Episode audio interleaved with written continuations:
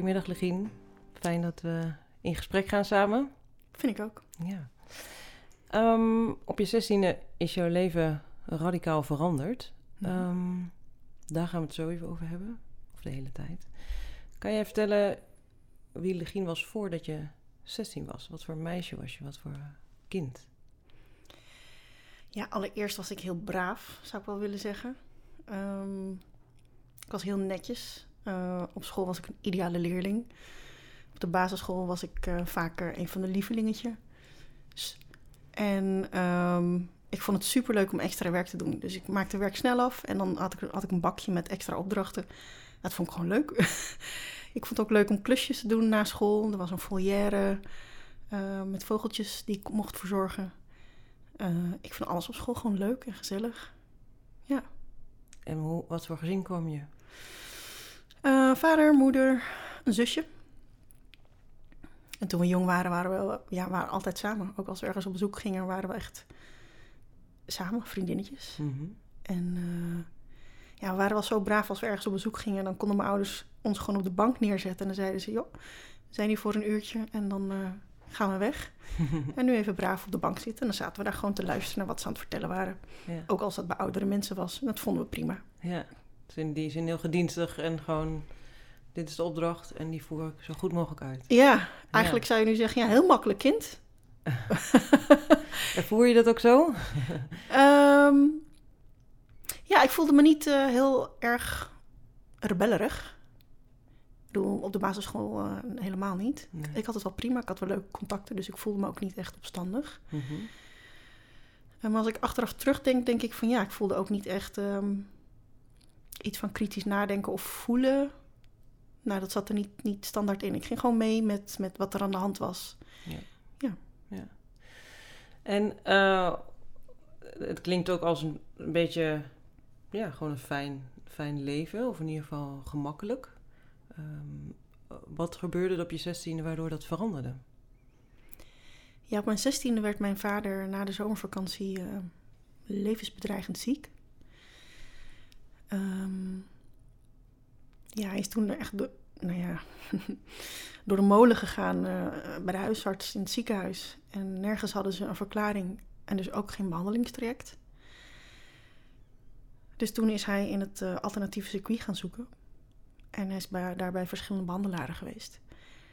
En eh, een van die behandelaren die ehm, had mijn vader wijsgemaakt dat hij mijn vader beter had gemaakt. Nou, mijn vader was al lang blij en gelukkig, dus die voelde zich waarschijnlijk ook echt beter toen. En ehm, deze behandelaar die zei van ja, maar zoals u weet, meneer, eh, ja, dit ligt niet in, in, in- ja, dit is niet verklaarbaar door de westerse geneeskunde. Het ligt ergens anders aan. En eh, om uw gezin hierin te beschermen, ja, moet u uw dochter langsbrengen. Voor een behandeling. Mhm. En op dat moment geloofde mijn vader dat, want hij voelde zich beter. Dus hij dacht, ja, oké, dan het zal dan wel. Mhm. En toen ben ik daar langs geweest. Eh, en terwijl mijn ouders in de wachtkamer zaten te wachten, is hij een gesprekje met mij aangegaan. En na dat gesprekje heeft hij mij verkracht. Ja. De, de, de, de bedoeling van hem was, was om, om heling voor het gezin te creëren. Hè? Of in ieder geval, dat was het verhaal wat hij voorhield. En dat is het verhaal wat Ja. hij voorhield. Maar Ja. ik voel er heel erg een soort van, toch een vorm van manipulatie. Ja. Het is echt een setting die gecreëerd is. Om, ja. ja, waarin je eigenlijk weet, eh, nou ja, zoals ik je net vertel, waarin de cultuur, de ouders zitten gewoon in de wachtkamer. Ja, Eh, waarin je weet dat mensen niet zomaar op je afstappen. nee, Ehm, niet tijdens, maar ook niet daarna. nee. Ook niet hun mond opentrekken. En ik ben heel erg opgegroeid met eh, respect voor ouderen, respect voor, zeker voor mensen met aanzien die dat krijgen, mensen Ja. die andere mensen kunnen helpen. Ja. Dus ik heb daar eh, ja, bijna twintig jaar lang over gezwegen ook. Ja, ja. Want, eh, want hij was een soort geneesheer, toch? eh, Ja. hè? Dus hij had inderdaad, wat je zegt, een bepaalde Aanzien. aanzien en hiërarchie was er binnen jullie eh, verhouding. Ja. En wil je vertellen wat er is gebeurd? Ja, ik was er, kan ik wel vertellen, niet helemaal bij. Ehm, in die zin, fysiek was ik erbij. Maar ik was gewoon zo in shock van me apropos. Um, ja, nu zou ik zeggen, ik ben waarschijnlijk gedissocieerd. Ja. Ik probeerde er ook met mijn gedachten zo min mogelijk bij te zijn. Mhm. Toen ik eenmaal ontdekte wat er aan de hand was en dat het niet klopte. Ehm, op dat moment lag ik al naakt op de vloer. En het moment dat hij mij penetreerde, dat kwam als totale verrassing. Dat zag ik niet aankomen. Dat was niet. ehm, Nou ja, ik was 16. Ik had eigenlijk, dit was mijn ontmaagding. Ja, afschuwelijk, ja. Ja, want, want herkende je dus de setting eh, in de zin van... herkende je dat dit een seksuele setting was? Of dat in de se- nou, nou, dus eigenlijk helemaal niet seksueel. Dus het is, het is gewoon een gewelddadige setting. Maar herkende je dat er een soort van seksualiteit was? Nee. Nee, hij heeft ook lang gedaan ehm, alsof het inderdaad een soort van genezing was. Ja, Ehm, ik heb ook eerst, ehm, ja, we hebben samen wat gebeden opgezegd. Er was een meer ceremoniële setting. Ehm, hij deed alsof, alsof hij me ging masseren. Ehm, ja, ik moest me dus uitkleden. Ja, Mhm. gehoorzaam als ik was, deed ik dat. Ik ging Ja. op de grond liggen. Ja. En ik, achteraf gezien denk ik dat hij gewoon aan het aftasten was.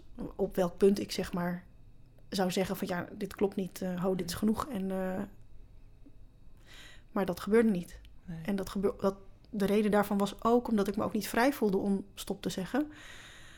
Eh, ik had zelf namelijk het idee dat mijn vader nog niet uitbehandeld was. Dus dat het leven van mijn vader een soort van op het spel stond. Ja, dus, dus er was een enorm juk wat op jou rustte over, eh, eh, om ten dienste van de heling van je vader. Ja. Dus dit, dit hoorde er misschien wel bij. Of, of ja, je vader zou misschien niet beter worden als... eh, was dat ook wat hij suggereerde? Nou ja, hij zei dat niet letterlijk. Maar dat is ja, als kind, ik bedoel, ik was Mhm. 16, maak Ja. je, bedoel, als je moeder boos op je is, dan denk je echt dat het aan jou ligt. Terwijl dat ze misschien gewoon een zagrijnige dag kan hebben Ja. of dat de post. Dus ik weet het niet. Dus als kind maak je verhalen. En mijn verhaal was van ja, als ik hier niet gedwee meega, dan wordt mijn vader niet beter. Nee, nee. Hoe, je zei, je, je inderdaad disassocieerde. En ehm, hoe, hoe, ging, hoe ging jij weg? Hoe, hoe, hoe ronde hij dit af? Of hoe werd dit afgerond? Ja, er was inderdaad gewoon een eindmoment. Mhm. Ehm, ik, ik, nou ja, ik, kon het, ik zag het niet aankomen, maar hij had dus een hoogtepunt. Hij, Nou, Hij, ja. En ja, hij ruimde zijn eh, spul op, zeg maar. Mhm. Ja, en dan kon ik aankleden. ja. Dan was het klaar. Ja. En ik, ik was als de dood dat iemand aan me zou kunnen zien dat ik... Ja, ik had toch het idee van, is dit nou een seksuele daad of niet? En thuis werd er dan eh, niet over seksualiteit gepraat en over vriendjes. Dus ik vond het al moeilijk. Mhm. Dus ik ehm, schaamde me überhaupt kapot over alles met seks. Dat, Ja. ik dat, dat mijn ouders dat zouden kunnen zien, dat, dat, dat er iets gebeurd was. Mhm. Ehm, dus ik probeerde eigenlijk onzichtbaar te zijn. Ik probeerde zoveel mogelijk normaal te doen. En Ja. eigenlijk nog onopvallender te zijn dan ik daarvoor eigenlijk al was. Dus ik probeerde nog meer muur, muurbloempje te zijn. Ja. Ja, want jouw ouders vroegen na de behandeling, eh, v- vroegen niet specifiek? Of heb je, moest je liegen? Of hoe, hoe, hè, hoe eh, werd daarna gevraagd? Nou, ik kan me herinneren dat ze hebben gevraagd wat ik gedaan heb. Mhm. En dan noemde ik iets als van ja, we hebben samen een eh, gebed opgelezen.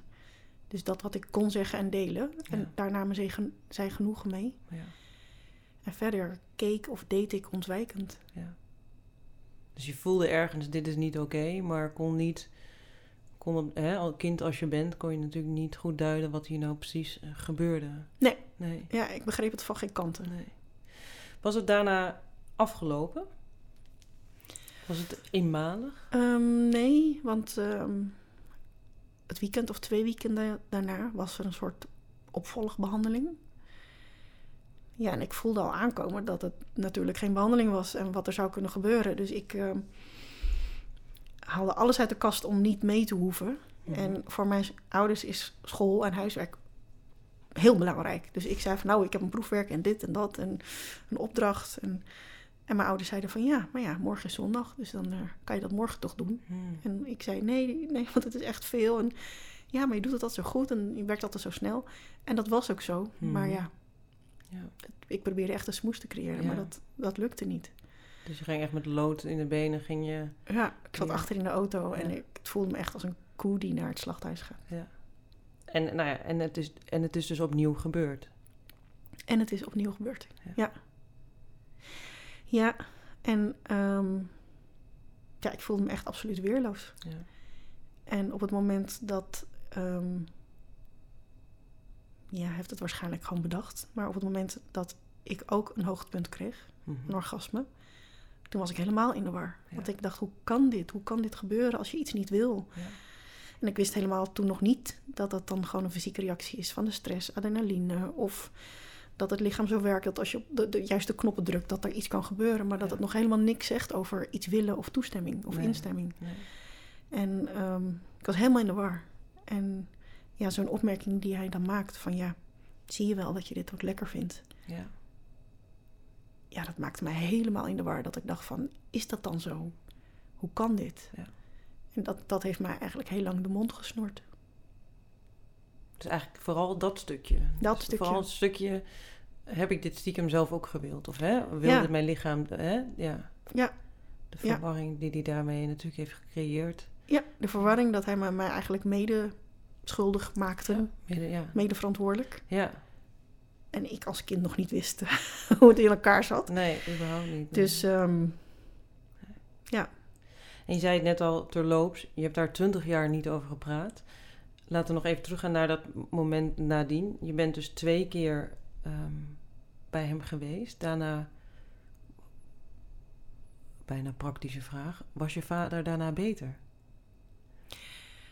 Nou, ik kan me dat moment niet eh, als in een ommezwaai registreren. Nee. Ik denk dat ik zo probeerde om er niet te zijn dat ik ook de buitenwereld niet zag. Dus ik probeerde mezelf niet te laten zien, maar dat betekende ook dat ik de buitenwereld niet binnen liet komen. Ja. Mijn vader leeft nog, dus hij is beter geworden. Mhm.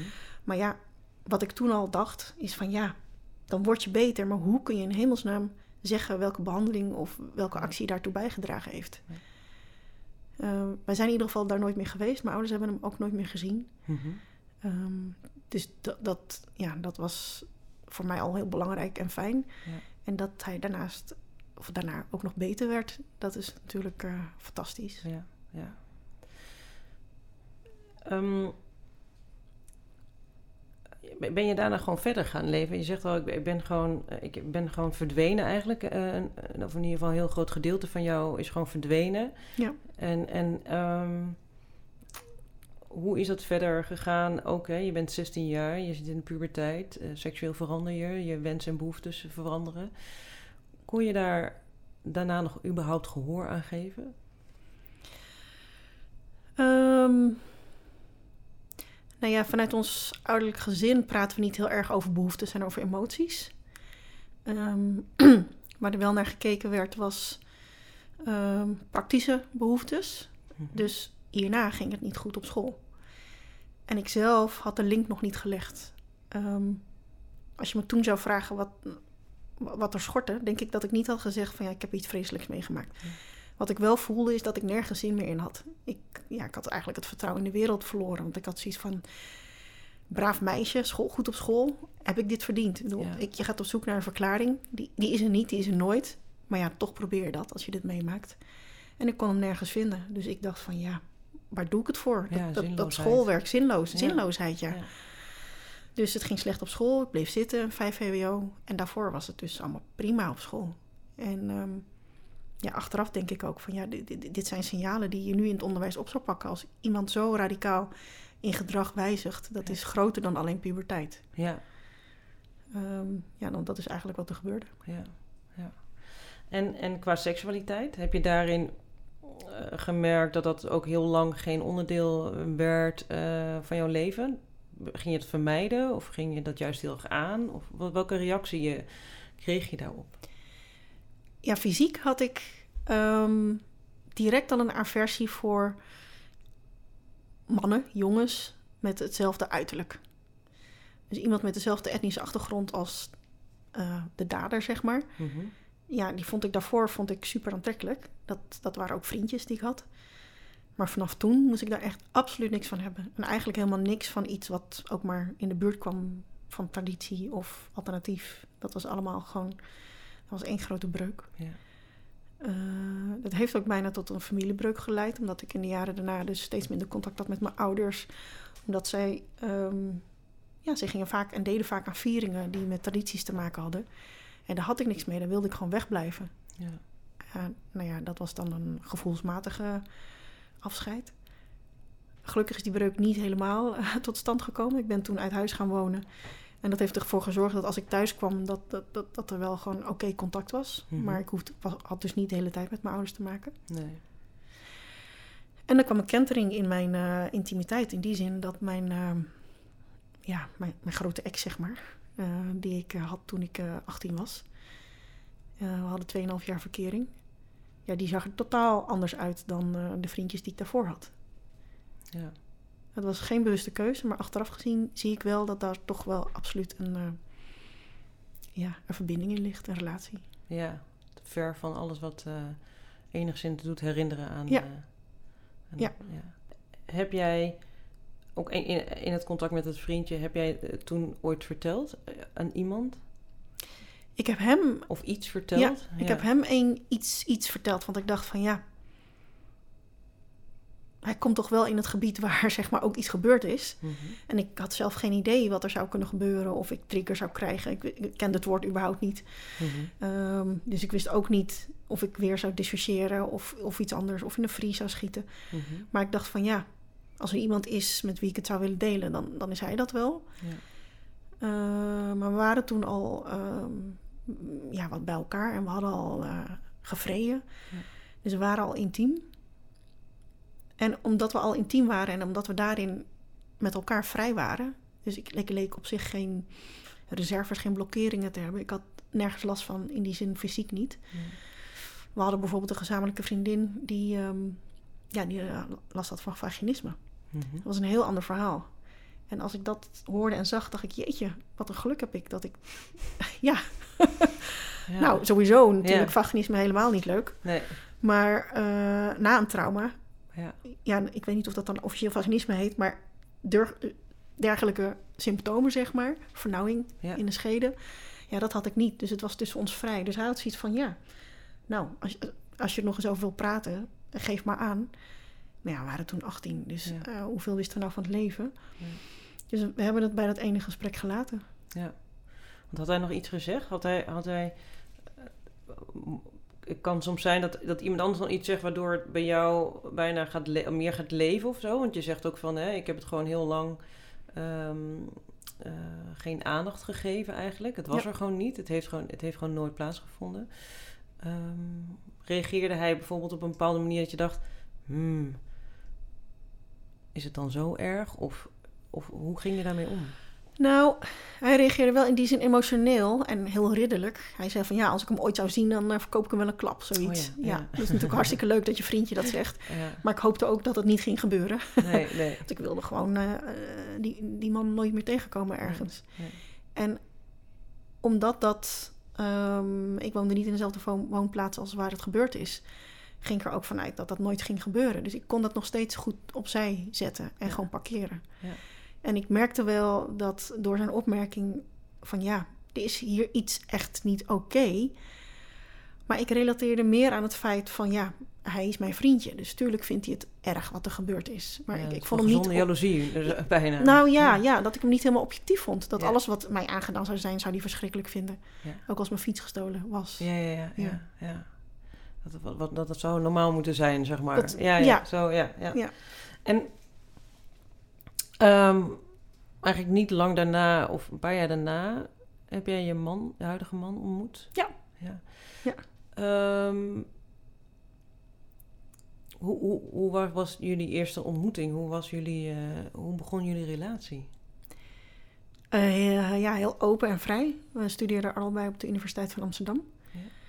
En ja, die aanleiding was gewoon heel fijn. We zaten bij dezelfde colleges. We gingen samen huiswerk maken. Mhm.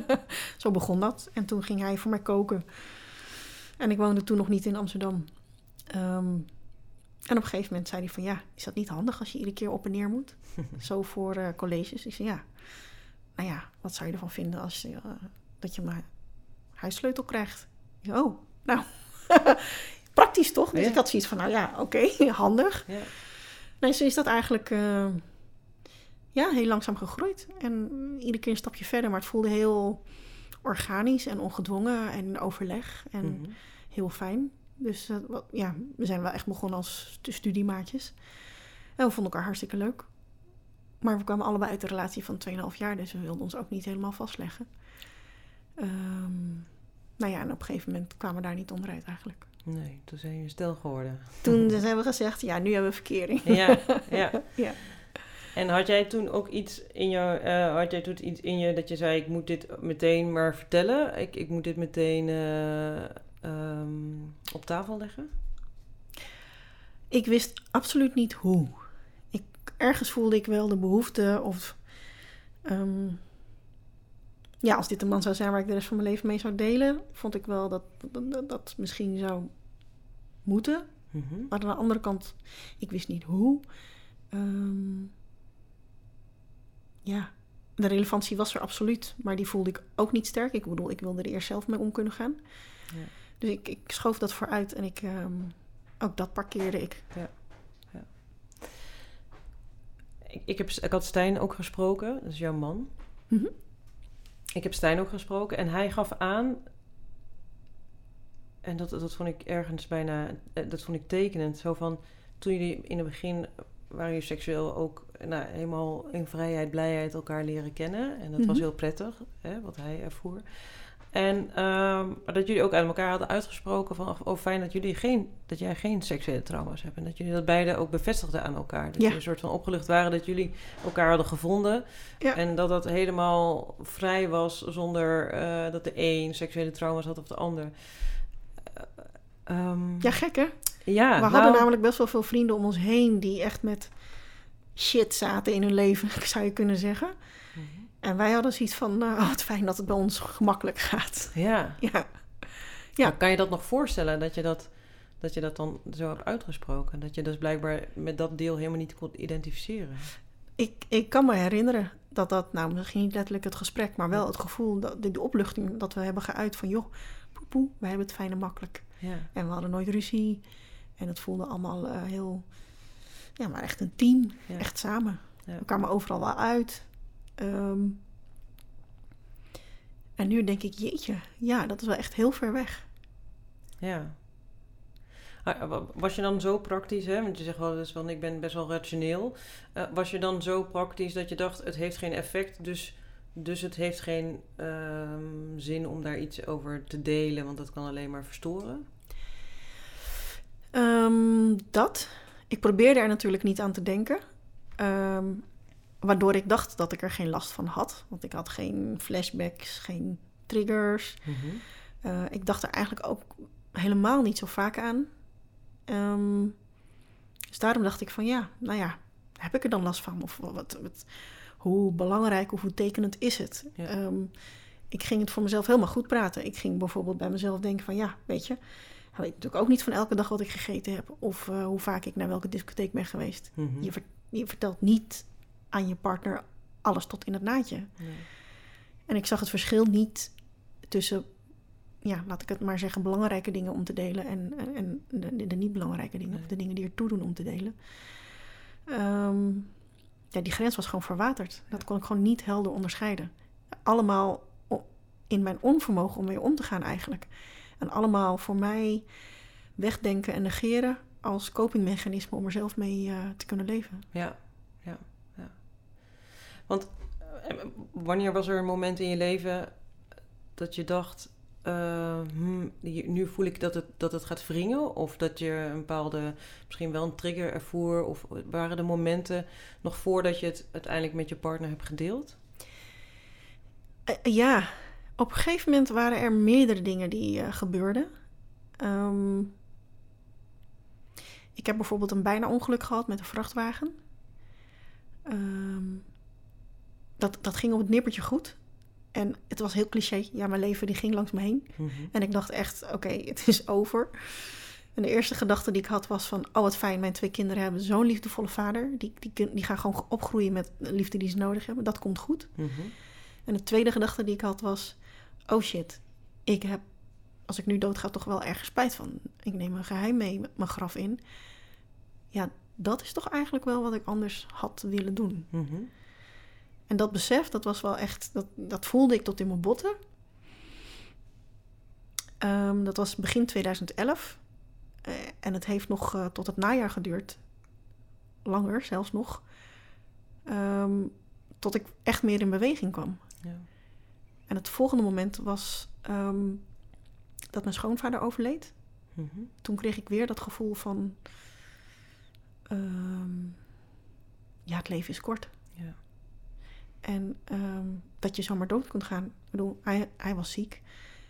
Maar ik kwam weer terug bij het moment van... ja, je kunt ook gewoon op straat aangereden worden. En dan, Ja. oh ja, Legien, dan heb je toch niks gedaan met die tweede kans. Dus ik, eh, weer, weer zo'n moment van dat ik wakker werd geschud. Eh, toen is het langzaam gaan indalen. Maar ik wist ook helemaal niet waar ik moest beginnen. Dus dat was heel ingewikkeld. Ja. En ook eenzaam lijkt me. Want, want Heel een eenzaam. enorme worsteling in een huwelijk. Je zei, je hebt twee kindjes. En dan ehm, Ja. weet je gewoon niet hoe je, hoe je het moet aanpakken. Wat Nee. logisch is, want het is zo groot, denk ik ook. Het is heel groot. En in mijn werk ben ik heel erg van onderzoeken aanpakken, een plan maken van hoe je iets doet. Mhm. Iets voorbereiden en dan. eh, ik ben op een gegeven moment ook eh, testcoördinator geweest. Nou, dan weet je ongeveer wat je verwacht. En alle re- mogelijke resultaten die kun je voorspellen. Ja. Eh, en dat ga je dan vastleggen, dat ga je rapporteren. Ja. dit was iets waar geen handleiding voor was. Dus ik was totaal lost, gewoon Ja. hoe je dat dan doet. Ehm, ja, beginnen met therapie of beginnen met vertellen of beginnen met iemand anders vertellen. Ehm, ik ging er wel steeds vaker over nadenken, maar dan liep ik in rondjes vast. Want ik- ja, dat gesprek met jezelf, als daar niet een externe factor bij komt, in ieder geval in mijn geval, dan blijf je gewoon in rondjes lopen. Ja, ja. Ergens is er toch een moment ontstaan waarin jij de ruimte voelde om, eh, om het met Stijn te delen. Ja. Was daar een specifieke aanleiding toe? Of was er iets wat, wat ehm, ja, waarvan je dacht, nu kan ik er niet meer onderuit? Ik was begonnen met ehm, therapie, met EMDR. Mhm. En daarna was ik eh, begonnen met een haptonomie-traject. En daar in allebei de trajecten kwam de vraag: ga je dit aan je partner vertellen? En bij allebei zei ik in eerste instantie van nou, liever niet. Ik fix dit wel in mijn eentje en dan ben ik beter en klaar en heel. En dan ben ik weer gewoon gelukkig en dan kom ik terug in het huwelijk niks aan de hand. Ja, en dan, ging 2.0. ja, zoiets. En dan misschien dat ik het dan vertel, maar ja, dan is het gewoon eh, iets virtuels. Iets gewoon van, eh, oh ja, zoiets van, eh, ik heb een nieuw bord gekocht. Ja. Dat was mijn hoop. En mijn gedachte ook van, ja, ik, ik fix het wel even in mijn eentje. Ja. Ehm, Want je ging even tussendoor, je ging wel in therapie om met dit vraagstuk aan de slag te gaan. Niet Ja. voor ik ik voel me niet goed of... eh, Nee. nee, oké. Nee. Dus je was wel de bewuste eerste... Uiteindelijk had Ja. je dus toch een opening gevonden in je eigen dialoog om... ja, Ja. wel met behulp van een vriendin. Mhm. eh, omdat ik echt niet wist waar ik naartoe moest. Ik moest het kwijt. Mhm. En ik koos een vriendin die, waarvan ik wist dat zij gewoon een heel pittig leven had gehad. Het totaal tegenovergestelde van mijn eh, jeugd. Mhm. En ik dacht, als ik haar dit vertel, dan valt ze in ieder geval niet van de stoel af. En zij zei toen van, ja, maar je zit hier gewoon met een trauma. Ja.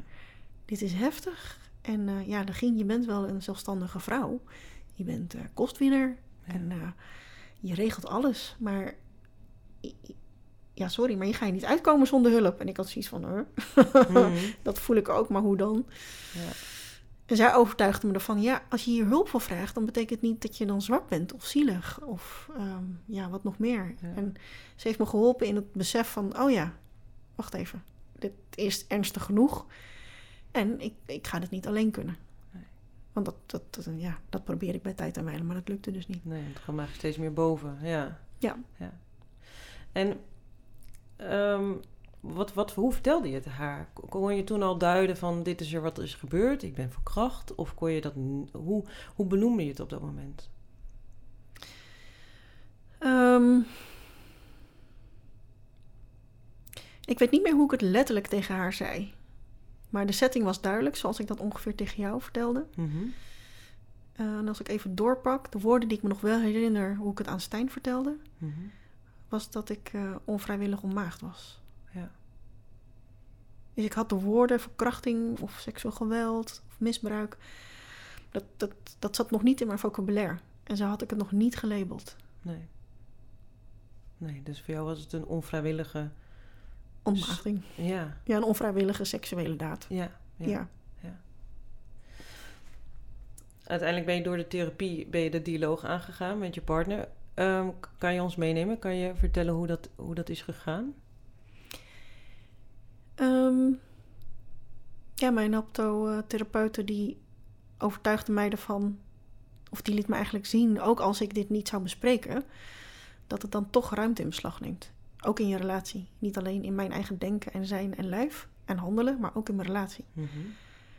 En toen dacht ik, ja shit, oké, daar zit, dat is wel oneerlijk. Want hij, er is iets en ik probeer daar omheen te werken, maar Stijn weet dat niet. Ja. En hij probeert er ook omheen te werken, want die voelt ook dat er iets is, maar weet niet wat. Dus gaat allerlei oplossingen verzinnen en eh, in hoeken ook, die niet relevant zijn, maar wel bij mij. En dat is natuurlijk heel ingewikkeld. Zo kom je natuurlijk nooit tot de juiste oplossing als je niet weet wat het probleem is. Nee, er ontstaat er denk ik voornamelijk frustratie. Ook bij Heel elkaar. veel frustratie, ja, allebei, aan allebei de kanten, Ja. absoluut. En de frustratie werd wel heel, on- ja, dit was echt het, nou ja, toppunt van frustratie en eigenlijk het dieptepunt in onze relatie. Want op dat moment ehm, was het qua onze intimiteit ja, helemaal niet leuk meer. Niet gezellig, niet warm, niet stromend. Ehm, met periodes wel en met periodes ook weer niet. En ik Mhm. kon dan ook niet zeggen waarom wel of waarom niet. Hij kon het dan ook niet aanwijzen. En hij zei op een nacht van, nou ja schat, ik hou ontzettend veel van je. En ik wil niet bij je weg, ik wil bij je blijven, ik wil oud met je worden. Maar op deze manier ben ik niet gelukkig. Nee. Dus ik weet niet hoe, maar ik, ik wil hier uit deze situatie komen en ik wil iets aan veranderen. Maar ik, ik, weet, ik weet niet wat er is. Mijn opties, mijn mogelijkheden zijn eigenlijk eh, op. Ja, Eh, de trucendoos was echt eigenlijk maar leeg. ja. Op dat moment dacht ik, ah, oké, ja, het heeft, ik, ik heb het zo lang weg willen houden omdat het met seksualiteit en intimiteit te maken heeft. Ja. Ook al was het een verkrachting en geen liefdesdaad. Maar ja, je zit wel in hetzelfde gebied. Dus ik, ehm, ik wilde dat zo lang mogelijk uit elkaar houden om dat, dat niet met elkaar te besmetten. Eh, zo voelde dat voor mij. Maar nu kon ik er niet meer onderuit. Dus toen heb ik inderdaad gezegd, eh, schat, ik weet niet of het hiermee te maken heeft, maar ik wil iets vertellen.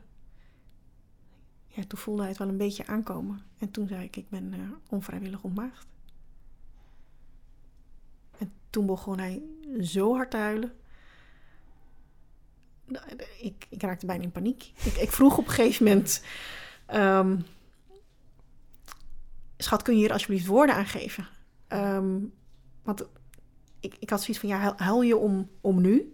Om ons? Om mij? Om toen? Mhm. Om, om, om daarna? Eh, nou ja, hij zei toen om alles. ja. En eh, ja, dat, dat- dat snapte ik wel. Toen hij dat met die woorden bevestigde.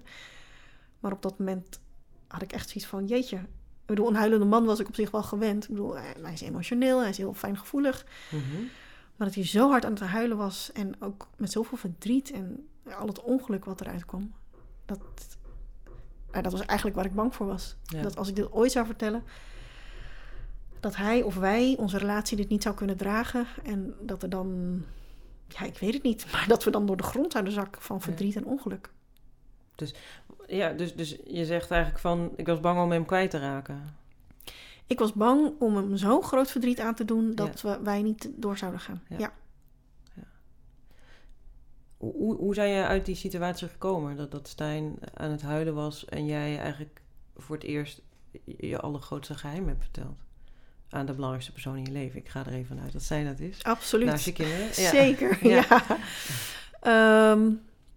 Nou, dat kwam omdat Stijn wel daarna vrij snel... Ja, ik, bijtrok is een beetje gek om te zeggen. Ehm, hij zag de kans die het bood, omdat er nu iets aanwijsbaar was waar we aan konden werken. En Ja. het was verschrikkelijk en het is niet terug te draaien en het zou nooit meer weggaan.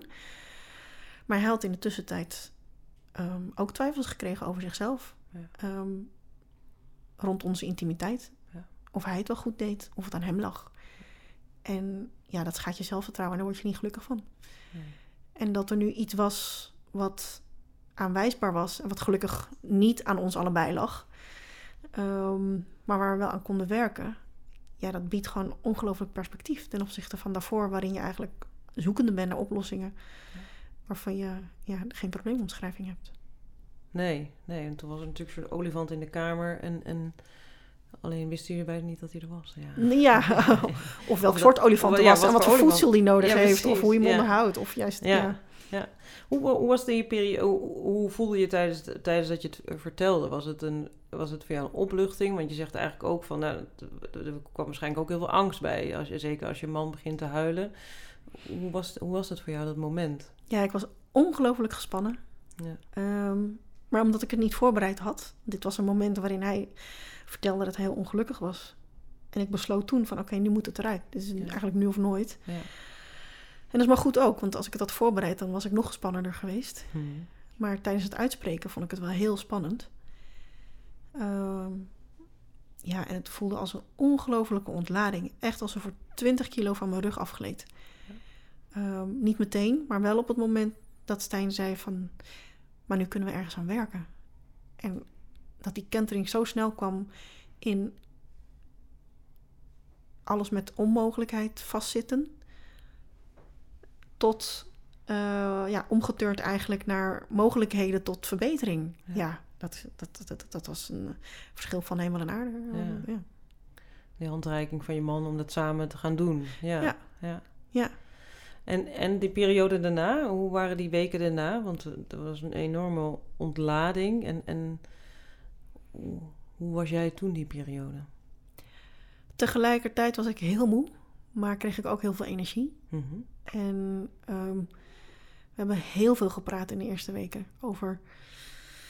Ja, nou ja, niet alleen over wat me gebeurd is, maar ook over hoe ik me daarna heb gevoeld, waar het impact op heeft. Er vielen steeds meer kwartjes op dat het impact had op nou ja, gezondheid, maar ook op werk, carrière, keuzes, mijn houding in het leven, mijn zelfverzekerdheid.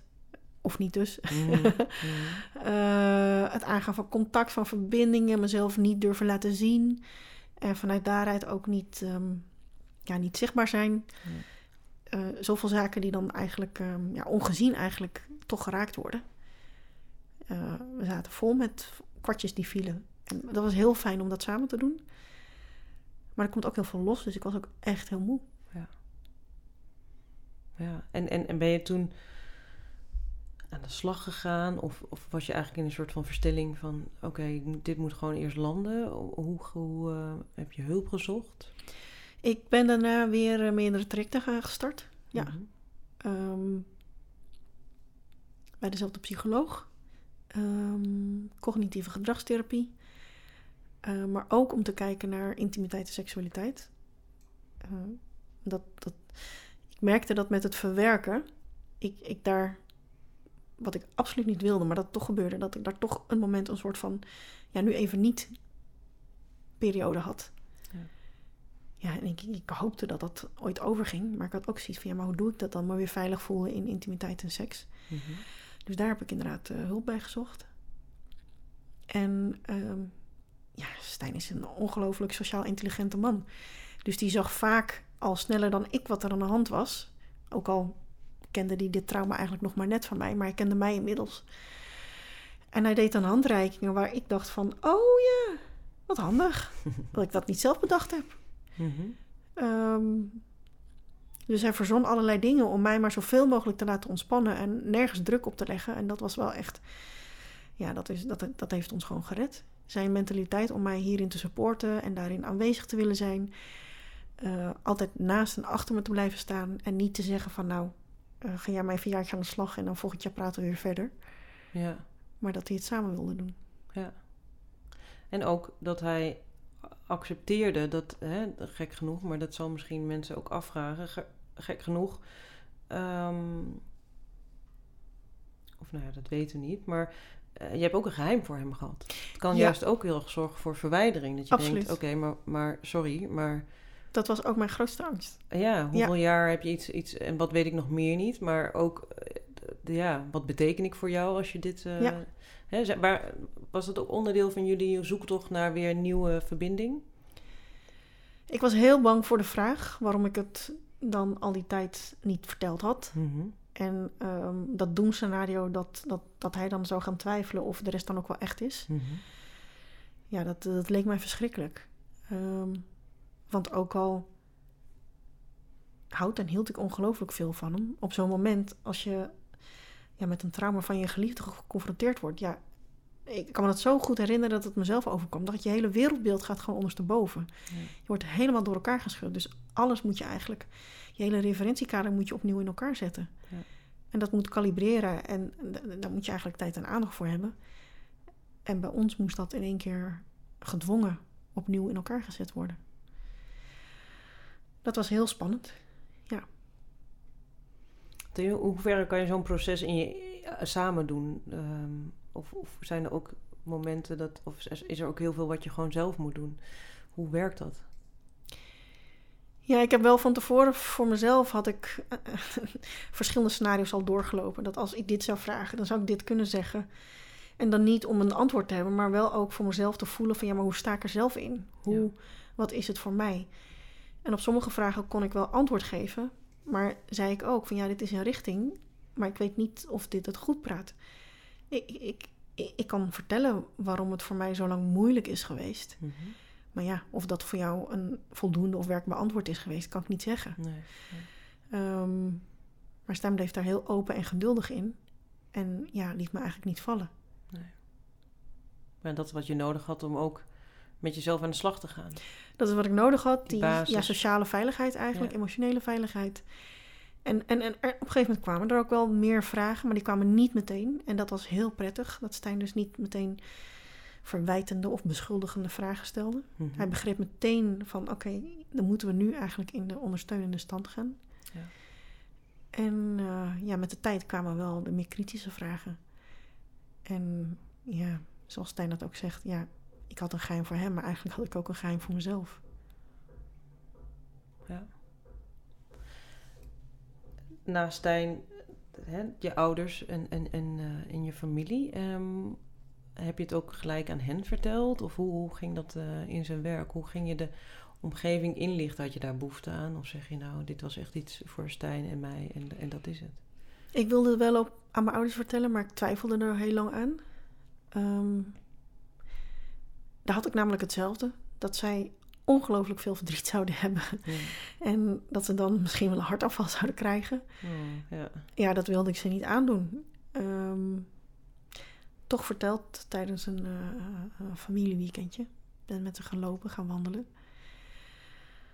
En ik, ik zag daar meteen ook het onvermogen om daar emotioneel mee om te gaan. Ehm, de eerste reactie van mijn ouders was... Want ik vertelde dat ik dit eh, niet meer bezig was en dat ik aangifte wilde doen. En de eerste vraag was van... Ja, maar hoe weet je of hij nog leeft? En hoe weet je dat hij niks terug doet? Hmm. Dus ze zaten nog heel erg in de ban of in macht eigenlijk van, ja, van hem. Ja. En dat vond ik zo vreemd. Ja, het ging niet over jou. Het ging niet over nee. mij. Nee, er was nog niks gezegd van, oh wat vervelend. Nee. Of hoe voel je nu? Dat waren, Mhm. nee, nee, die vragen zijn, hebben heel lang geduurd voordat die kwamen. Mhm. Dus ik was heel blij dat ik inmiddels volwassen was zelf. En eh, ja, emotioneel stabiel. Ook met, met Stijn en de jongens. Met onze kinderen een fijn emotioneel leven. Waardoor ik mezelf daarin kon dragen. En dus niet de steun dan van mijn ouders nodig had. Het was wel fijn geweest als ze me daarin steunden. Maar de eerste jaren waren heel zwaar. Want toen zei mijn moeder bijvoorbeeld, als ik haar aan de telefoon had... Ja, ik kan er niet over praten. Ik kan er ook niet over nadenken, want dan krijg ik hoofdpijn. Oh. Nou ja, dat is heel pijnlijk om te horen als Ja. dochter, als je moeder dat zegt. Want je wil je ouders geen hoofdpijn bezorgen. Nee, Eh, maar je wil ook dat er ruimte is voor, voor jouw verhaal. Ja, Tegelijkertijd ergens, ja. denk ik. Als, als volwassen vrouw wil ik dat. Precies. Maar ja. als dochter en als kind eh, voelde ik die ruimte niet. En voelde ik me meteen van ja, oké, dan ga ik dit niet bespreken. Precies, dan is het er niet. Nee. Dan is het er niet, dan mag het er niet zijn. Nee. En nu ben ik heel blij dat, ehm, dat ik ze die ruimte heb gegeven. Dat ze dit in hun tempo hebben kunnen accepteren. Ehm, dat, ehm, ja, november vorig jaar. Toen kwam ik op het journaal. En toen heeft mijn moeder me gebeld. En ze heeft gezegd, Gien, het is heel belangrijk. Het is heel goed dat je dit eh, hierover praat. Mhm. En ze zegt van ja, er zijn heel veel mensen die het meemaken, maar die er niet over praten. Dus gewoon letterlijk eigenlijk waarom ik dit doe. En, Ja. en toen dacht ik van wauw, oké, dit is de totale erkenning.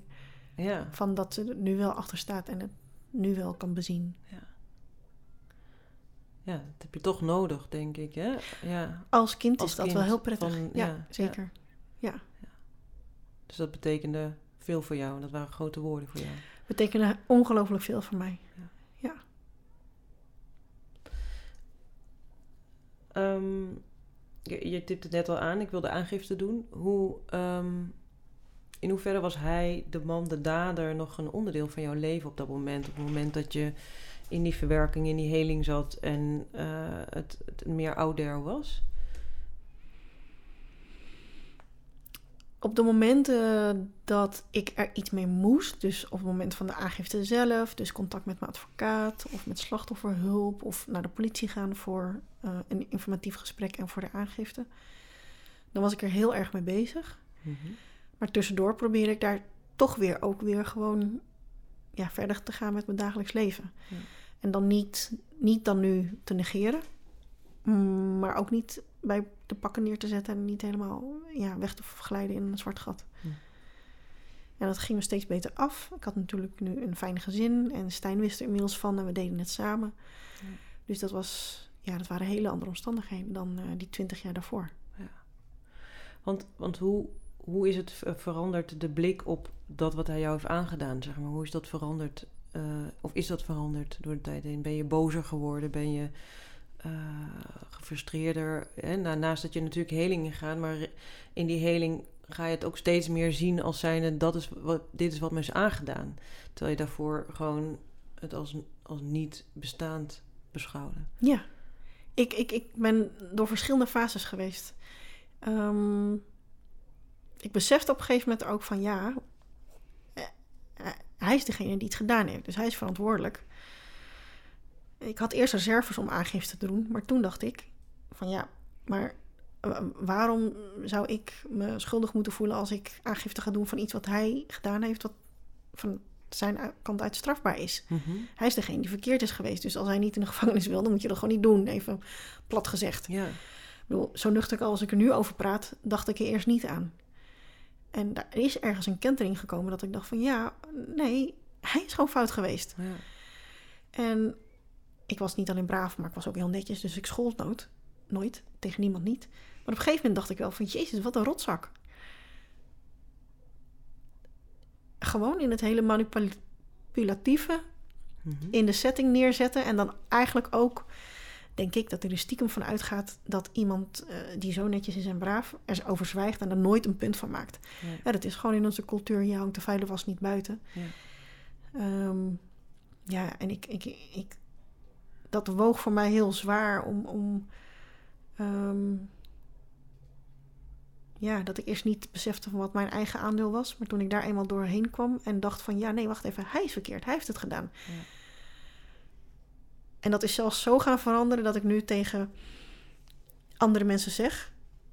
ehm, alleen al het feit, bijvoorbeeld als je naar leeftijd kijkt, ik was minderjarig, hij was volwassen. Mhm. Stel dat ik daar had gelegen naakt. Ik lag daar op een gegeven moment naakt. En dat er bijvoorbeeld op mijn voorhoofd was getatoeëerd... ja, kom maar, of doe maar, of eh, ik wil. Mhm. Dan nog steeds is het van alle kanten fout. Ja. Het leeftijdsverschil al, de machtsrelatie, de afhankelijkheidsrelatie. Ja. Dat zijn gewoon aspecten van waaruit een 16-jarige niet zinnig een bewuste keuze kan maken van dit is gezonde seksualiteit. Nee, en hij dat zou moeten weten. En hij dat zou Ja. moeten weten en moeten doen. En dat die verantwoordelijkheid bij hem ligt. Ja. En dan is het anders als je het hebt met leeftijdsgenoten. Ik bedoel, dat is gewoon gezond gedrag. Maar in dit geval was het van alle kanten gewoon verkeerd. Ja. En dat besef is wel zo diep gekomen. Maar ook dat ik om me heen zag en hoorde van... jeetje, hoeveel mensen die zich hierom ook nog steeds schuldig voelen, schaamte, schamen... en niet naar de politie gaan of geen hulp vragen. Mhm. Dat is eh, ja, ongelooflijk. Ja. Want je zei, ik had eerst wat reserves om aangifte te doen. Eh, was dat dan omdat je dan nog niet helemaal dit voelde? Of was het, was het dat je dacht, ook hè, vanuit, dat je zegt vanuit de cultuur, we praten niet over, laten we er niet te veel rugbaarheid aan geven? Hoe, hoe was dat? Ik, ik voelde me nog niet helemaal slachtoffer. Ik vond het ook een heel moeilijk woord, Mhm. slachtoffer. Want ik was natuurlijk die zelfstandige carrièrevrouw. De sterke vrouw? De Ja. sterke vrouw. Ik wilde helemaal geen slachtoffer zijn. Nee. Maar ja, er was me wel iets aangedaan. Dus dat, dat, dat ging in mijn hoofd. Is dat ergens ja, gaan. dat was een puzzel die gekraakt moest worden. Ja. Hoe doe ik dat dan? En toen dacht ik, ja, maar wacht even. Als, als ik slachtoffer ben, want er is mij iets aangedaan, dan ben ik in principe slachtoffer. Alleen, alleen vanuit het woord de definitie ben ik slachtoffer. Dat zegt niks over hoe zielig ik ben of onzelfstandig of hulpbehoevend. Want dat zijn allemaal ja, dingen die ik in mijn hoofd haalde van ja, dan gaan iedereen me zielig vinden en ik wilde niet zielig zijn. Dus ik probeerde het toen steeds eigenlijk rationeler te bekijken. En steeds meer van een afstand. En toen dacht ik, ja, nee, hij heeft mij iets aangedaan. Ik ben slachtoffer. Hij is dader. Wacht even, dit is een strafbaar feit. Wacht even. Stel je voor dat hij dit misschien vaker heeft gedaan. Oh jee. Nou, ik moet toch wel naar de politie om te laten weten dat, dat, dat, dat het niet fris is. Nee. Ja, Dus- toen, toen was er een domino eigenlijk Ja. van besef en van gevoelens aan de gang dat ik steeds strijdbaarder werd. En ook echt meer voor mijn rechtvaardigheid ging staan. Ja.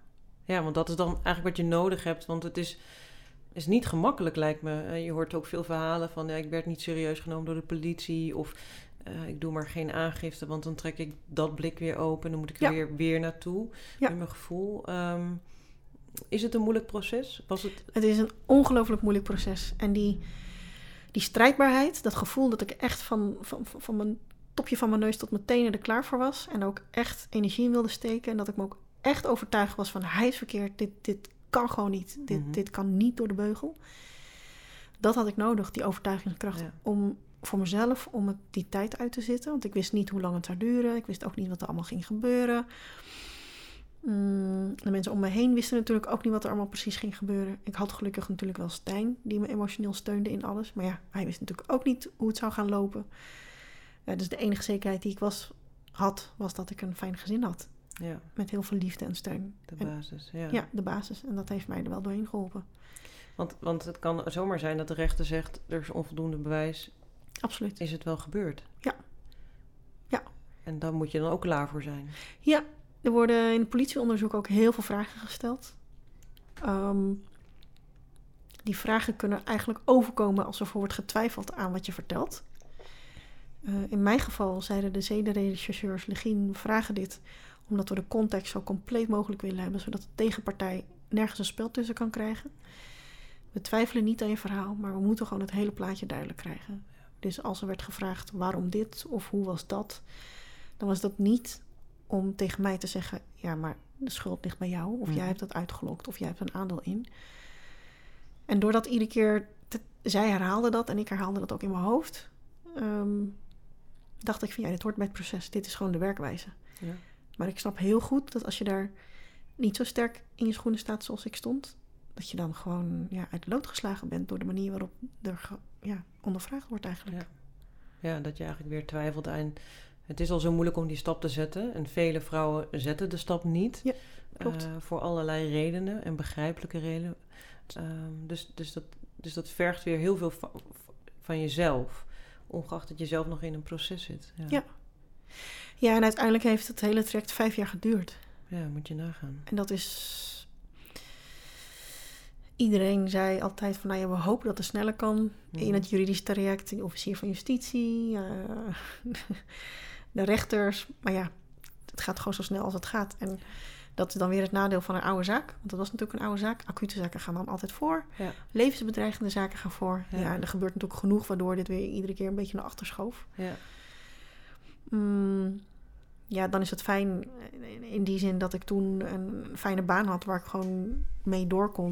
Mijn gezin al had, dus ik hoefde niet iets nieuws neer te zetten. Ik kon gewoon door met mijn leven. Ja. En dat gebeurde ook steeds meer. Ja.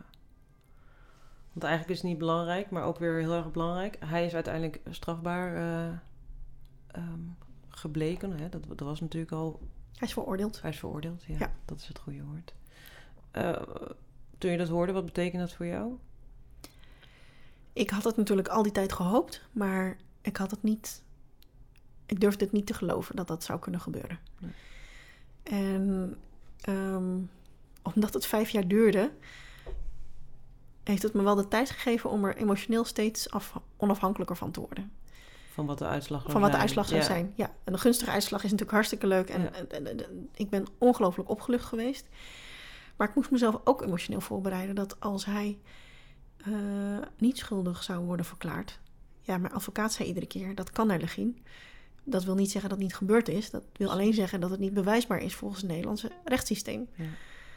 Ja, en dat heb ik ook de hele tijd in mijn hoofd moeten herhalen. Om mezelf eigenlijk een beetje weerbaar te maken, emotioneel weerbaar. En toen het, eh, de uitspraak kwam, ja, ik was. ehm, ja, ik heb gewoon gehuild. Ik was Ja. dolgelukkig. En het was onvoorstelbaar. Ehm, de uitspraak kwam twee jaar nadat ik aangifte had gedaan. Alleen hij is toen in hoger beroep gegaan. Ja, dat, dat was weer een ongelofelijke domper. Dan ben je blij met de uitspraak. Maar Ja. twee weken, binnen twee weken werd er weer, eh, was hij, ging hij in hoger beroep. Dat heeft ook weer twee jaar geduurd. Toen is hij ook veroordeeld. Mhm. Eh, toen is hij weer in bezwaar gegaan. Dat heet dan cassatie. Dan gaat het naar de Hoge Raad. Dat is het, ja, het hoogste niveau dat kan in Nederland, wat strafrecht betreft. En dat heeft een jaar geduurd. Ja. Dus twee jaar, twee jaar, één jaar. Vijf jaar later kwam de uitslag dat de vorige uitspraak gewoon geldig was. En dat hij nu onherroepelijk veroordeeld was. Ja. Dus er kon niks meer aan veranderd worden. Nee. En dat, dat was de definitieve opluchting. Ja. Ja. En, en misschien niet eens alleen voor jou, of in ieder geval voor jou een opluchting, maar eh, we weten niet hoeveel slachtoffers hij mogelijk nog meer heeft. eh. Nee, weten we niet. In die zin, de politie heeft geen andere aangiftes gevonden. Nee. En ik zei ook tegen de politie, ja, dat, dat snap ik. Want ik heb daar ook gezeten. Ik heb ook twintig jaar lang geen aangifte gedaan. Nee. In deze ja, minderheidsgroep, zeg maar, ga je niet zo snel naar de politie. Dus ik vind het heel jammer, politie, dat jullie niet nog wat diepgaander onderzoek kunnen doen. Ja. En ze zagen mijn frustratie daarin. Ze hebben me ook altijd gewaarschuwd: zoek niet de media op. Eh, anders kun je aangeklaagd worden voor laster of smaad. Oh ja, in, in een proces. In een Ja, proces, precies. ja. Dus dat mocht absoluut niks naar buiten.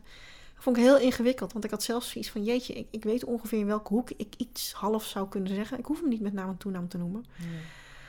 Maar iedereen die waarschuwde me van: doe het niet, doe het niet, doe het niet. Want ja, het zou toch heel ongelukkig zijn als ik dan een rechtszaak aan mijn broek had. Precies, ja. Dus ik heb dat niet gedaan, maar ik heb dat wel in mijn achterhoofd gehouden. Van ja, ook voor al die slachtoffers. En niet alleen voor deze zaak, maar al die andere vrouwen, mannen die geen aangifte doen. Ja. Ja, daar wilde ik het ook een klein beetje voor. Ja, recht trekken kan ik het niet. Maar ik vind wel dat het wat betekent als je toch aangifte doet. Ja.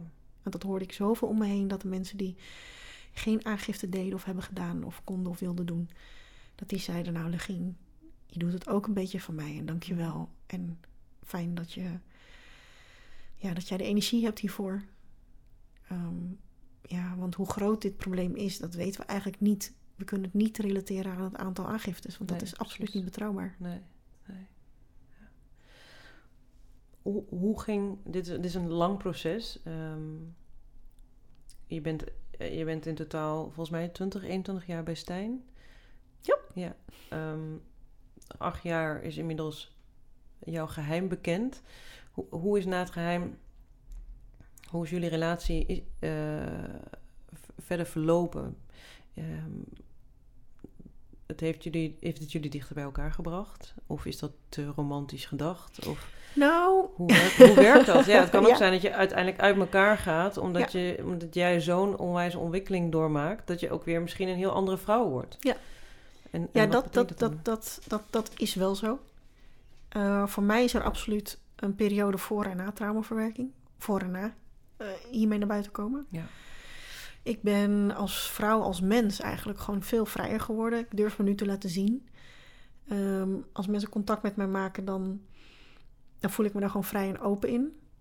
Ik probeer niet meer om zo min mogelijk zichtbaar te zijn. Ik wil Mhm. juist nu wel dat mensen me zien en ik wil juist wel contact leggen. Eh, en ik ga veel meer dingen aan. Ik probeer meer dingen, ik durf meer dingen. Dat is vanuit mijn opvoeding ook. Ja, doe maar gewoon, dan doe je al gek genoeg. Eh, ik sprong nooit uit de ban. Nou ja, nu doe ik dat ook niet heel erg. Maar ik durf wel meer, ik probeer meer. En ehm, ik ben op een gegeven moment ook gewoon van de vrije valglijbaan in ehm, dat pretpark geweest met eh, glijbanen. Eh, dat weet ik even niet. Ja. maar Nou, dan heb je glijbaan Oh, met eh, vrije val, plop. En dan ga je gewoon naar beneden. oh wow. verschrikkelijk eng, Ja. vind ik. Maar ik dacht wel, dit ga ik doen. Ik kan Ja. het aan. Nou, die springt wel uit de ban. Dus dat soort dingen Ja. gebeurden. Dat ik in veilige situaties Precies. dacht van, ik ga dit proberen. Waarom? Ik bedoel, ik vind het spannend. Iedereen doet het, of niet iedereen doet het. Het is veilig. Ja. En ik, hoef me niet in te houden. En Nee. er kwam echt een kentering in. in eh, anders naar dingen kijken, anders dingen proberen. Ehm, ik werd daarin veel rijker en voller aan ervaringen. En ja, dan is er inderdaad een kans dat je uit elkaar groeit als de ander daarin niet meegaat. Mhm. Uh, we hebben heel veel, ja, het is eigenlijk nog steeds. We hebben ups en downs. Mhm. Uh, we zijn in de eerste periode, weken, maanden, jaren, echt bijna alleen maar naar elkaar toegegroeid. Um, door het delen van zoveel ervaringen en het, ja, Stijn ging ook steeds meer open. En liet zich daarin inspireren om ook dingen aan te gaan. En dat vond ik weer heel fijn. Want doordat ik aan mezelf werkte, begon ik ook dingen te zien van... oh, maar wacht even. Oh, misschien uh, wil ik ook hieraan werken. Dit, dit is ook niet... Uh, dit zou ook wel anders kunnen. Ja. En daarvoor had ik toch een soort van deken omheen. Want ik wilde zo min mogelijk gezien worden. Ja, niet te veel aanraken. Nee. Ik wilde niet zoveel aanraken, nee. Nee. En toen ging het open en dacht ik van... ja, nee, maar nu durf ik meer. En nu wil ik ook meer. En nu wil ik meer uit het leven halen. Dat is natuurlijk heel spannend. Ja. zeker als partner voor Stijn. In één keer had hij een vrouw die uh, ja, een mening had. en heel hij veel dus wilde. in eerste instantie niet voor gekozen, blijkbaar. Of, Nee. ja, dus in, je was niet zo. Ja. Nee, nou ja, ik, ik, ik, was met Stijn wel altijd wat vrijer. Dus Ja. ik was niet zo timide als uh, vanuit huis. Ik was niet zo verlegen. Maar ik was, ik was nog steeds geen rebel. Nee. En ik, ik ging nu wel een beetje die kant op. Ja, precies. Ja. Dus in die zin, die zin heeft het jullie wel meer gebracht in de relatie. En ook omdat je daardoor, omdat hij ehm, ja, ondersteunde in, in de vrouw die je werd, zeg maar. Ja. Ja, Ja. precies. Ja. Ja, Stijn zei op een gegeven moment... ja, ik heb liever een, een volle vrouw met alle kleuren... Ja, Mhm. die dan ook maar boos of zagrijnig is. Of En misschien een echte vrouw. vragen- Ja, een Ja. kritische vraag aan hem gaat stellen ineens. Ja. Ja. In plaats van eh, ehm, iemand die gewoon gedwee meedoet, zeg maar. Ja, ja. en dus een geheim heeft. En een geheim ja, heeft, Precies, ja. ja. Je hebt twee kinderen. Mhm. Ehm, dat is dan weer de volgende generatie. Ehm, neem je, heb je hen hier meegenomen? Ehm, heb je hen niet verteld? Wanneer kwamen zij in dit verhaal ook aan de orde? Ik vond het heel ingewikkeld. Eh, want ze waren eerst nog wat jonger.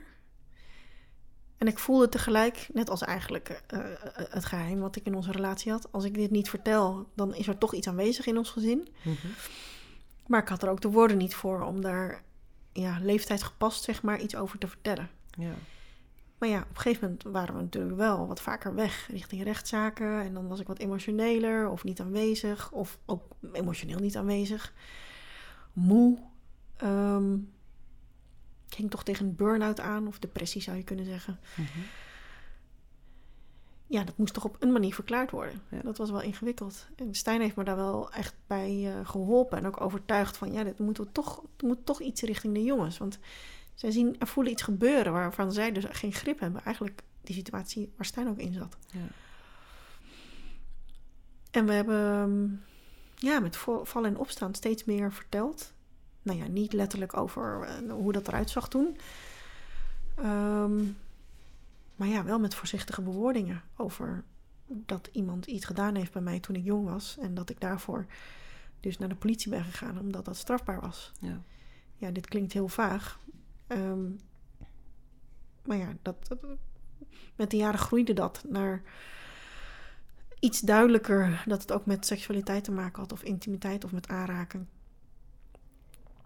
En ehm, ja, dat moest op een gegeven moment ook wel, want ik ben dus ook op het journaal geweest. En daar werd gewoon gezegd verkracht. En Ja. dat, ja, dat is. ehm, dat gaat dan door heel Nederland. ja, en dat komt bij je kinderen terecht. Ja.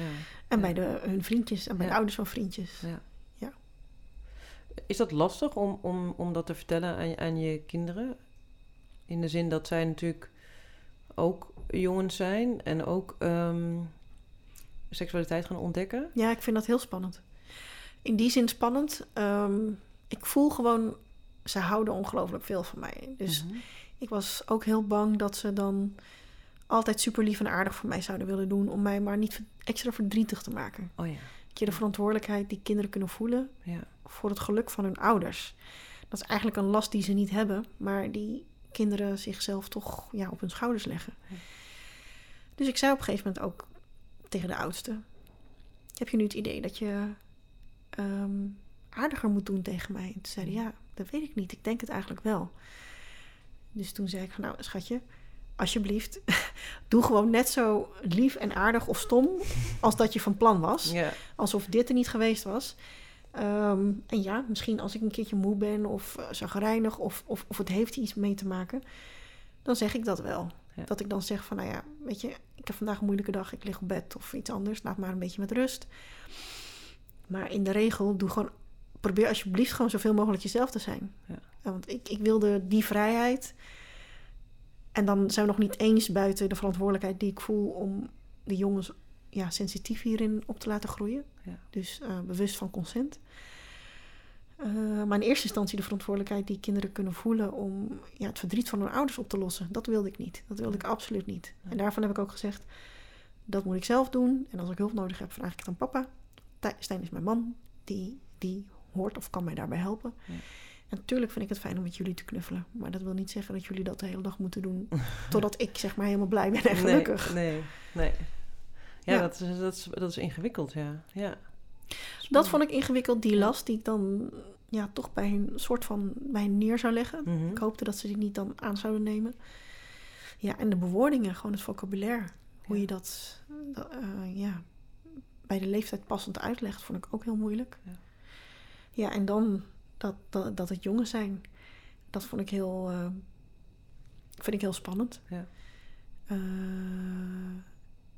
ja, en aan de andere kant hoop ik, ik bedoel, zolang ze leeftijdsbewust zeg maar bezig blijven en in contact en communicatie met de ander, ja, we zullen dit fenomeen nooit uit de wereld kunnen bannen. Maar als, als mijn kinderen zeg maar sensitief blijven, Mhm. als iedere ouder dat met hun kinderen doet, dan zijn we al een stapje verder. Ja. ja. Heb, jij nog, heb jij nog te maken met herbelevingen of dat er triggers zijn waarin jij weer teruggeworpen wordt naar dat ene moment? Of die, die momenten? Ik dacht van niet, Helaas, ja. maar er er zitten nog wat staartjes, ja. En eh, nou ja, ik probeer daar nu wel bewuster mee om te gaan. Dus ik ben ook weer opnieuw, eh, toen ik dat eenmaal ontdekte, Mhm. Ehm ja, ben toch weer een traject gestart. Voor hulp eigenlijk, voor ondersteuning. Ehm, op een andere manier dan ik eerder heb gedaan. Er is een soort van nieuwe beweging, traumaseksologie heet dat. Dat is ja, een soort raakvlak tussen traumaverwerking en, en, en seksologie. Dat gaat net iets dieper. Ehm, ja, ik heb één sessie gehad en ik voel me daar heel erg, eh, ik heb heel erg vertrouwen in. Eh, en dat is gebeurd naar aanleiding omdat ik inderdaad een trigger had. Die ik die niet ergens verstopt Mhm. was. Dus ik, ja, of ik dan klaar ben, dat weet ik niet. Maar het voelt alsof er weer, misschien in de toekomst weer nieuwe laagjes van de ui zouden kunnen komen. Ja. Maar ik voel wel steeds meer. Ik heb al zoveel gedaan en ik, zie, ik ontvang ook zoveel hulp en steun om me heen. Dat wat er ook gaat komen, ik, durf ook steeds meer, ook daarin, van ja, dan, dan gaan we dat aanpakken. Wat, wat, eh, wat zou je anderen die iets soortgelijks hebben meegemaakt, eh, wat zou je hen willen meegeven? Of wat, eh, ja, wat voel je dat je graag aan hen wil zeggen? Voor mij hebben het schuld- en schaamtegevoel, dat zijn wel echt de grootste killers geweest. En dat hoor ik van bijna iedereen. Ehm, ik vind het heel moeilijk. Iedereen heeft andere gegevens nodig of een andere manier dat het gezegd wordt om het besef te krijgen dat als je dit meemaakt, dat jij je niet hoeft te schamen en dat jij niet schuldig bent. Heel raar. Bij mij heeft het geholpen om statistieken te zien dat het zoveel mensen overkomt. Dat het niet raar is dat ik hiermee naar buiten kom. Dus ik hoefde me niet te schamen als dat ik de enige was, dat ik niet gek was. En het besef bij mij dat, ehm, dat ik 16 was, dat ik in, een afhankelijkheids ja, ja. situatie zat. Ja. Een machtsmisbruik eigenlijk ook. Ja. Want het voelt voor mij ook, voelde het steeds minder als een seksuele daad. Ik had niet het idee dat hij verliefd op mij was, maar dat het uh, ja, echt machtsmisbruik was. Ja. Een machtsuiting. En ehm, heel raar, maar daarin voel ik ook dat, ja, het is eigenlijk best wel zielig als iemand dat op deze manier moet uiten. En ik praat het dan niet goed dat hij dit, uh, dit, dit, gedaan heeft. Nee. Maar er zit ook een mens. En het, het, heeft het voor mij geholpen om te beseffen van we hebben hier eigenlijk met z'n allen een maatschappelijk probleem. Want Ja. het zijn niet losse individuen die hier iets in doen. Het heeft te maken met hoe we met elkaar omgaan, hoe we met elkaar opgroeien, hoe we elkaar niet zien. Ja. Uh, respect wat we wel of niet voor elkaar hebben. Nou, dat is eigenlijk richting de maatschappij dat ik vind dat we daar met z'n allen verantwoordelijkheid in hebben. En dat er meer aandacht voor mag komen. Maar ik hoop dat mensen die dit meemaken echt zo kort mogelijk zich schamen en zo kort mogelijk zich schuldig voelen. Want het is zo belangrijk om hier hulp voor te vragen, of, of in ieder geval erover te vertellen. Ja. Uh, om ermee naar buiten te komen. Want anders, het, ja, bij mij heeft het zich vastgezet in mijn lijf en dat gebeurt gewoon. En dat, ja, dat, dat, dat gun ik niemand, hoe, hoe lang of kort ook. Um, want de opluchting die ik voelde toen ik dus echt, nou ja, na, na een paar jaar traumaverwerking uh, had mm. gedaan en inmiddels in veel meer aspecten gelukkig en vol aan het leven was, is dat ik voelde dat door traumaverwerking kwam er letterlijk gewoon ruimte vrij in mijn lichaam, in mijn lijf, in mijn emoties. Ja, die ik nu kon vullen met leuke dingen. Ja. Met geluk en plek voor de dingen die ik belangrijk vond. Um, dat gun ik iedereen. En die opluchting, die ruimte en het ja, een soort van opnieuw beginnen. Dat is zo fantastisch. Alleen daarvoor is het wel noodzakelijk dat je hierover gaat praten. Ja. Dus praat erover. Zoek hulp. Dankjewel voor dit gesprek. Heel graag gedaan, Andrea.